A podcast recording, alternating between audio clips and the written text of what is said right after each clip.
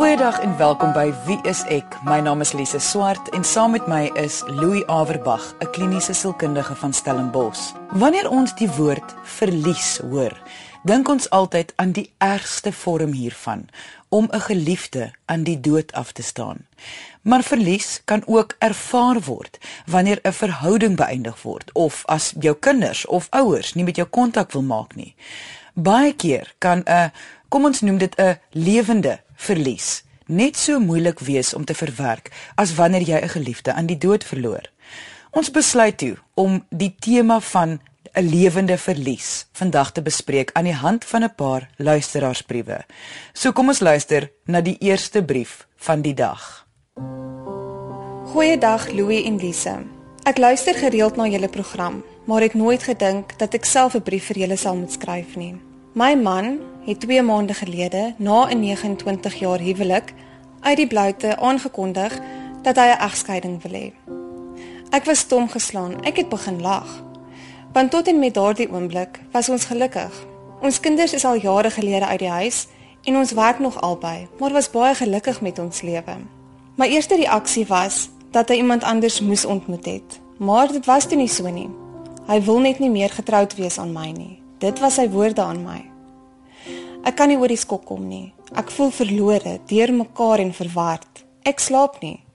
Want elke oomblik van elke dag speel ek ons lewe saam oor en oor af in my kop en ek kry geen rede hoekom hy wil skei nie. Ek het ingestem want ek is lief vir hom. Ek besef dit help nie om hom te forceer om by my te bly nie, maar ek raak so angstig met die gedagte om alleen oud te word en veral sonder hom. Ek het vir 3 dekades nie een keer getwyfel dat ons nie vir ewig saam sal wees nie. Hoe verwerk ek hierdie verlies? Hoe gaan ek ooit weer gelukkig kan wees? Anoniem. Louis, wanneer mens dink aan egskeiding, vergeet mens so maklik hoe baie keer dit gebeur dat die wens om te skei baie keer net van een party afkom. Dit voel vir my wanneer mense wil skei, is dit omdat albei partye ongelukkig is. Ja, daar slaan jy die spyker op die kop. Dit is die algemene persepsie. Terwyl ek dink dit omtrent feitelik nooit die geval is nie. Ek het baie selde in praktyk ervaar dat mense wat wil skei, albei op dieselfde vlak is van ja, goed, ons wil nou skei. Baie selde wat dit gebeur. En as dit so is, is die hele egskeidingsproses of die skeidingsproses baie minder traumaties. Want dan sien albei partye dit nie as 'n verlies nie, hulle sien dit as 'n wins. En daar's nie baie trauma wat daarmee gepaard gaan nie. Dis net egter baie selde wat dit voorkom. Haar vraag is vir my nogal moeilik, uh, die hoe verwerk ek hierdie verlies? Want ek voel omdat die persoon nog lewe, ek bedoel die verlies is nie gekoppel aan die dood nie. Kan mens nog iets doen om die situasie in hierdie geval of die huwelik om dit te red? Maar dit is tog nie waar nie. Dit is wat dit so ontsettend moeilik maak, veral na 29 jaar. As die een party nie wil nie, wat kan jy doen? Daarom voel ek dat in sommige gevalle hierdie tipe verlies baie erger is as om iemand aan die dood af te staan, omdat mens nie kan afsluiting kry daaroor nie. Jy kan nie hierdie ding beëindig en aangaan met jou lewe nie. Want dit is so wat jy sê, die moontlikheid al is dit net in jou kop dat dit mos weer kan werk of daar mos weer iets kan gebeur, is daar solank die persoon lewendig is en in die omgewing is. Ja, met ander woorde, daar is nog hoop want die persoon is mos nog daar. Per definisie omdat die persoon daar is en dan het jy nou nog verder bewyse in jou kop dat dit wel moontlik is om met die persoon te kan konnekteer. Want kyk jy dit dan in die verlede gedoen, hoekom kan dit nie weer gebeur nie? Hy is mos nog hier of sy is nog hier. Waar kom jou identiteit in hierdie situasie in? Dit voel vir my deel van die verlies is nie net die persoon nie, maar ook wie jy dink jy is en wie jy nou gaan wees of is. Ek bedoel veral na 'n egskeiding. Ja, jy verloor 'n groot deel van jouself.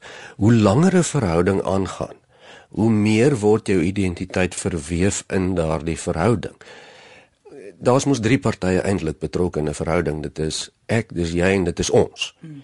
En die ons word al hoe groter soos die tyd aangaan. Dit sluk so half 'n groot deel van die ek in. Byvoorbeeld, na 'n hele paar jaar saam of as mense getroud is, dan word jy altyd saam uitgenooi. Jy word gesien as 'n entiteit, tesame. Of as jy vir Piet raakloop op straat dan een van jou eerste vrae is altyd: "Hoe gaan dit met jou vrou?" Uh, dis amper die toepaslike ding om te vra want daarmee erken ons daar's nie net twee ek nie, daar's 'n ons ook. So die verlies van hierdie ons identiteit is 'n massiewe verlies. Na 30 jaar is dit amper die grootste deel van jou identiteit wat jy verloor. Ek weet daar bestaan nie iets soos 5 of 10 reëls om veral hierdie soort tipe lewende verlies te verwerk nie.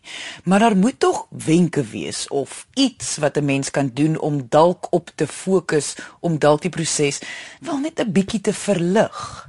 Kyk, die objektiewe antwoord hier is om op die korttermyn toekoms te fokus en ek praat van baie korttermyn toekoms. Letterlik uur vir uur. Die rede daarvoor is omdat verlies, veral 'n verlies soos wat hier gebeur het, regtig nogal 'n trauma is in baie gevalle. En dan sien mense nie lig nie. Jy word mos ingesuig in daardie trauma. So jy het nie 'n langtermynvisie nie. As mens dan vooruit kyk en dink, hoe gaan jou lewe nou wees oor 'n jaar, oor 2 jaar? Kan mens dit amper nie indink nie. So die enigste en realistiese advies wanneer mense hierdie dinge ervaar, is onmiddellik jou toekomsvisie te verkort na die volgende uur. Jy moet net tot by 12 uur vanmiddag kom.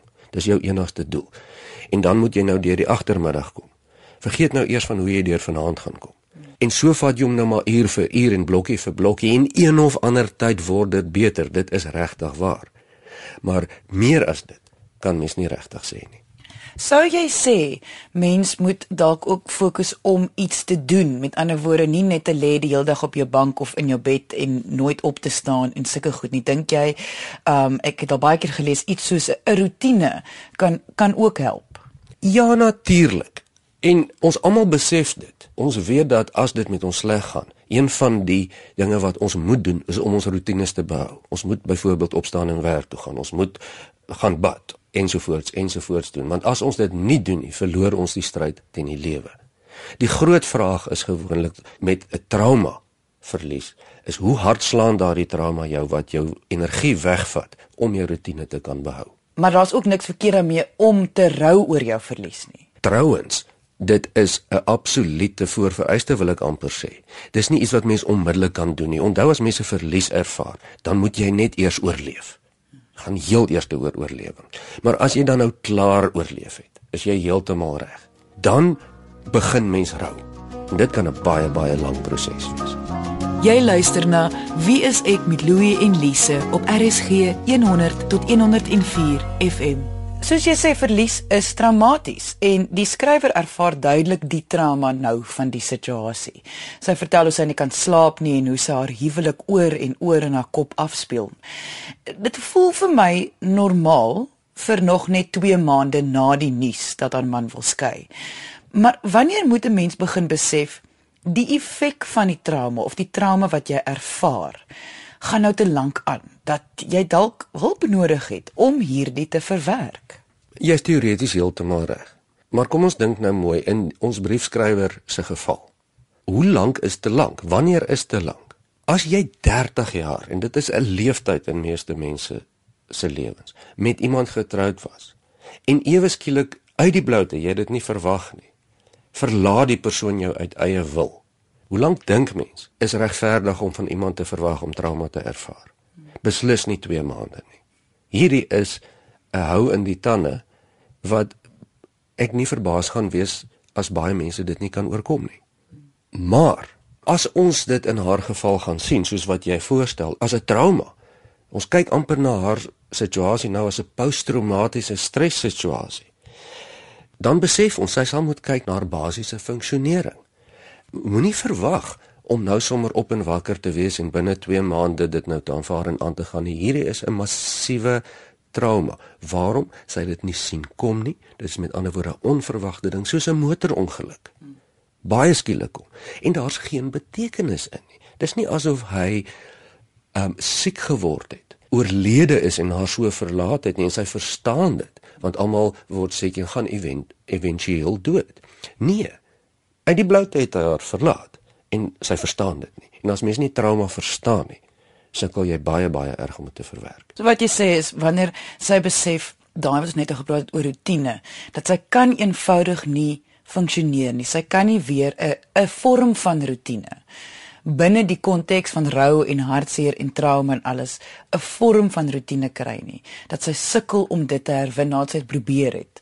Um ek ek neem aan dis wat jy bedoel. Da, dan is 'n goeie tyd om te begin vra, het ek nie dalk hulp nodig nie? Ja, ek stem met jou saam. Dat sy waarskynlik gaan hulp nodig kry. Waarom? Hierdie is 'n normale persoon wat eintlik in 'n baie hoogs abnormale situasie blootgestel is en as gevolg daarvan getraumatiseer is. Maar is daar soos waarskuwingstekens wat sy kan vooruitkyk dat goed haar funksionering is nou aangetast? Ja, dis nou moeilik om te sê hoe lank sal regverdig wees van haar om swaar te kry. 2 maande, 2 jaar, wie van ons kan sê, maar op 'n stadium het jy dan geen ander keuse as om aan te gaan en as jy nie kan nie, dan is dit nie 'n skande onder hierdie omstandighede nie, dan moet mens maar hulp inkry. Sy gee reeds vir ons die waarskuwingstekens. Sy vertel vir ons dat dit met haar baie sleg gaan, dat sy onophoudelik amper terugflitsse het. Hierdie ding nie kan verwerk nie, die waarom. Ehm um, en haar hele lewe is omvergewerk. Dis genoeg waarskuwingstekens dat ek dink sy moenie van haarself verwag om dit te kan verwerk nie. Sy moet as dit moontlik is daarom 'n bietjie hulp kry ook. Ek persoonlik glo dat met enige verlies moet jy nie alleen daardeur gaan nie. Maar wanneer dit by egskeiding kom, is dit moeilik om 'n maatjie te kry, want ek dink in baie gevalle is dit juis jou beste vriend of vriendin, met ander woorde jou man of vrou, wat jy verloor het. Dis die paradoks in hierdie geval. Die persoon wie jy in jou binnekring toegelaat het om op te steun, het nou die verlies veroorsaak. En ondersteuning hier vir jou gaan baie baie belangrik wees op twee vlakke. Een natuurlik jou familie, jou vriende, almal wat subjektief jou kant vat. En dis baie belangrik. Hulle moet jou kant neem. Maar jy het ook iemand nodig wat nie saam met jou in die moeras spartel nie, wat op die wal staan en jou hand vat en jou uitsleep daaruit. En dit in ideaal gesproke in die geval sal 'n professionele persoon wees, 'n sielkundige. Um iemand wat jy regtig iemand wat hierin opgelei is. As dit nie vir jou moontlik is nie, 'n buitepersoon, al is dit dan 'n goeie vriend wat bietjie objektief kan bly en vir jou kan fasiliteer en nie net saam met jou die emosies beleef nie. Louis ter opsomming, wat sal jou antwoord vir hierdie skrywer wees? Wel, eerstens mevrou, ek dink dat hierdie geweldig swaar moet wees. Ek kry vir jou baie jammer. Dit is 'n geweldige skok en sonder dat jy gevra het, staan jy dus waarskynlik voor die grootste uitdaging van jou lewe. Jy het nie hierdie een sien kom nie. Al jou beheer is weggevat en jy is getraumatiseer. Ek dink besef dat hierdie ding 'n trauma is, dat jy dit sal moet verwerk, dat dit baie lank kan vat. Jy sal nou moet veg en jy sal moet oorleef.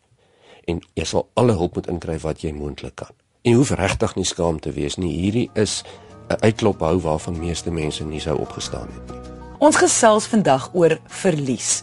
Nie noodwendig die verlies van 'n geliefde aan die dood nie, maar 'n lewende verlies, soos 'n ongewenste egskeiding of wanneer jou kind geen verhouding met die ouers wil hê nie.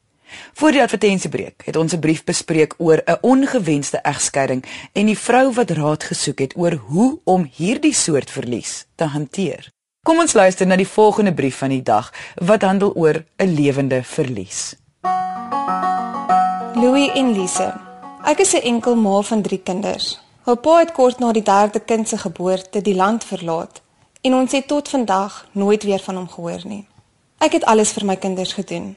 Ek het probeer om alles wat hul harte begeer vir hulle te gee. Finansieel was daar baie swaar tye, maar ons het daardeur gekom. Ek het 'n hegte band met die oudste en die jongste kind, maar my middelste kind, nou 23, wil geen kontak met my maak nie. Sy werk en betaal self vir haar studies. Ek het haar 2 jaar laas gesien. Aan die begin het ek dit so aanvaar en geglo dit is net 'n fase. Na 6 maande het ek begin bel en boodskappe los, maar nooit van haar teruggehoor nie. As dit nie vir haar broer en suster was wat haar nog sien nie, sou ek nie eens geweet het of sy nog lewe nie.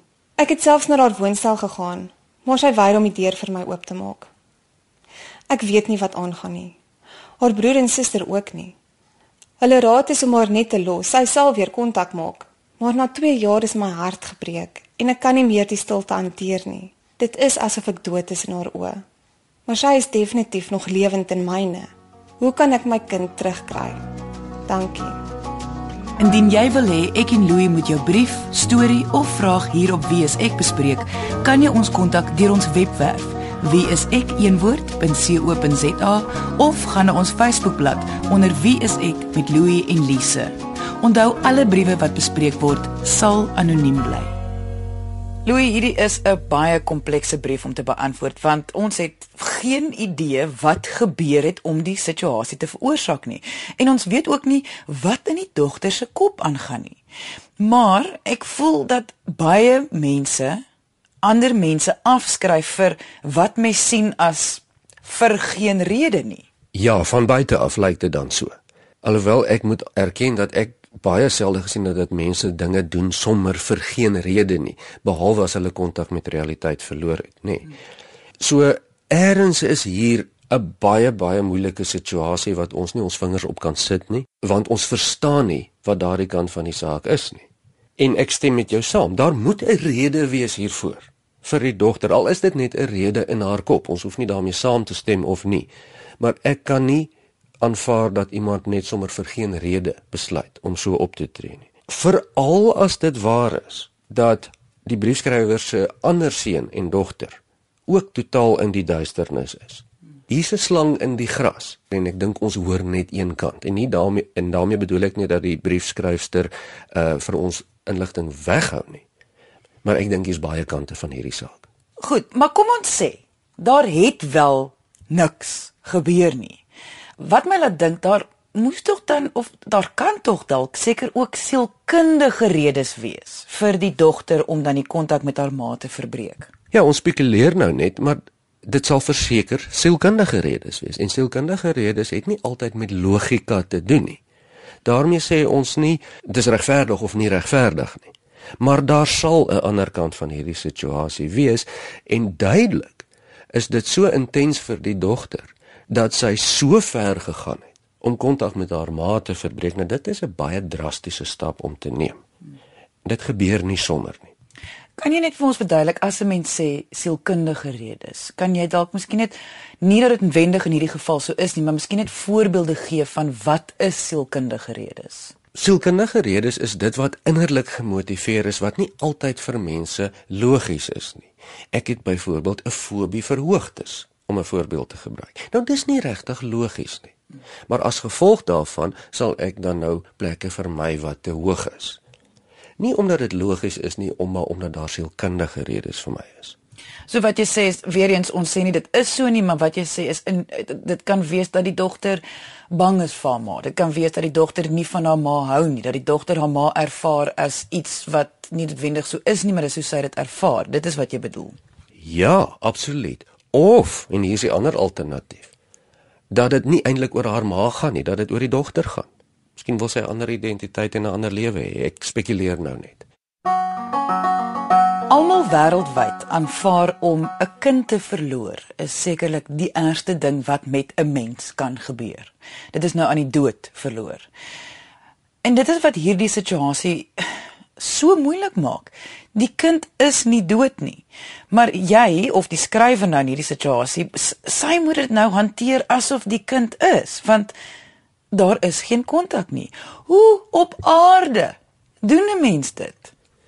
Nee, weet jy, ek het eerlik nie vir jou antwoord hier nie.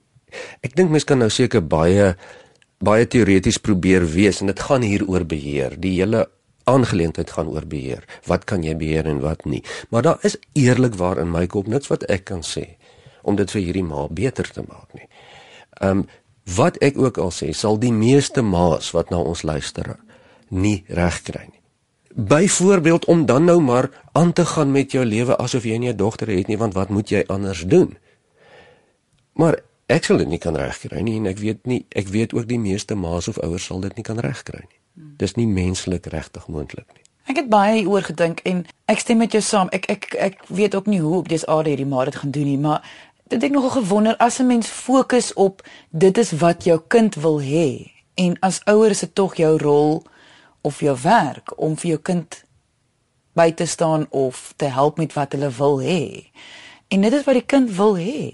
Ja, dit sal waarskynlik help om dit so te benader, maar ek kan eerlikwaar nie sê of dit regtig sal werk nie. Die verlies is massief. En en ek dink so half daai betekenis daar agter van ek gee tog vir haar dan wat sy wil hê. Maar die verlies wat sy self ervaar is verskriklik. Die onbaatsigtigheid wat jy van praat deur dan vir jou kind te gee wat sy of hy wil hê, maak jou dan ook baie seer in die proses en almal as ouers ken dit. Hierdie is amper net die mees ekstreme voorbeeld daarvan. Jy luister na Wie is ek met Louie en Lise op RSG 100 tot 104 FM. Wat mens baie sien met ouers wat hul kinders aan die dood verloor is hoe hulle sukkel om dit te aanvaar want hulle hulle voel skuldig asof om te aanvaar my kind is dood beteken ek gaan nou van die kind vergeet of eh, nie meer die kind is dan nie meer relevant nie. Maar as die kind nog lewe, kan ek net indink dat jy nooit dit gaan regkry nie. Jy sal te skuldig voel want 'n ma se rol is om hulle kind te beskerm en daar te wees vir hulle. En die skrywer gaan tog mos net maar altyd voel dat sy mag en kan nie aanbeweeg nie. Ek stem saam. En dis wat so erg is hierso. Ouers is geneties ingestel daarop om ouers te wees. Ons almal weet dit. 'n Ma is nou maar altyd 'n ma. En baie kere voel ek dan dat 'n lewende verlies, soos wat ons vandag bespreek, is veel erger as die verlies van 'n dood, omdat mens nie kan afsluiting kry nie. En veral nie betekenis kry in hierdie geval nie. Jy verstaan dit eenvoudig nie. Ek wil graag dan nou net praat oor dat jy nie iemand kan forceer om te doen wat jy wil hê hulle moet doen nie. Want hier is die skrywer nou en ons verstaan haar verlies is enorm en ons het geen idee wat gebeur het nie. Maar ons moet tog ook net gesels daaroor dat daar is geen manier hoe hierdie ma haar dogter kan forceer om 'n verhouding te hê nie. Daar is absoluut niks wat sy kan doen om dit te forceer nie. Jy is heeltemal reg. So die planne wat mens maak om hierdie ding uit te sorteer vanuit 'n ouer se perspektief uit gaan als op nul opeindig omdat die dogter nie wil saamwerk nie. Dit is die realiteit. Maar as jy as ouer saans in jou bed lê, kan jy tog nie anders as om te hoop en te wil wonder en te dink maar kan mens nie dalk so of so probeer nie. En die ironie van die saak is natuurlik ook hoe meer jy gaan druk daarvoor en hoe meer die skrywer gaan probeer om dit te forceer die verhouding, hoe verder gaan die dogter wegbeweeg. Ja, en in 'n mate is dit wat hier gebeur het. Sy het probeer om op 'n stadium dit net te los. Maar sy het duidelike verwagting gehad dat dit gaan regkom. 'n heel normale verwagting. En toe sy agterkom dat die verwagting gaan nie noodwendig gebeur nie, is waar die verlies dan nou inskop. Die realiteit van ogenade. Hierdie kan dalk 'n permanente proses wees. En toe het sy natuurlik weer begin druk en dit het die dogter nog verder weggetrek. So so moeilik soos wat dit vir ons is, kom dit maar eintlik vandag met hierdie brief daarop neer dat sy kan niks doen nie. Sy kan sy sy gaan 'n manier moet kry om hierdie verlies daarmee saam te leef en dit te bestuur, laat dit nie haar lewe oorneem nie. En ons raad altyd is die oomblik wanneer 'n mens besef dat dit begin jou funksionaliteit affekteer en jy kan nie meer daarmee saamleef nie, gaan soek vir hulp, gaan soek vir professionele hulp en iemand om saam met jou dan die pad te stap om hierdie ek gaan as die woord verwerk gebruik, maar ek dink nie mense sal ooit dit kan verwerk nie om hiermee saam te kan leef. Ja, ek stem heeltemal saam met jou dat sy geen ander opsie het as om dan nou aan te beweeg asof haar dogter oorlede is nie. Vir nou. En ek sê vir nou, want hier is hoop in hierdie geval. Hier is hoop. Ons weet nie wat die toekoms gaan oplewer nie. Do haar dogter is in haar 20's. Mens dink baie anders in jou 20's as wat jy miskien in jou 30's dink. Ek dink nie dis die einde van hierdie verhaal nie, maar vir nou het sy geen ander opsie nie. Indien jy enige vrae oor vandag se onderwerp het of jou storie met ons wil deel, kan jy ons kontak deur ons webwerf. Dit is wieisek.co.za of kom gesels saam op ons Facebookblad onder wieisek met Louie en Lise. Dankie dat jy vandag ingeskakel het. Ons maak weer so volgende Vrydag 0.30 net hier op RSG. Jy moet 'n heerlike naweek hê en onthou, kyk mooi na jouself.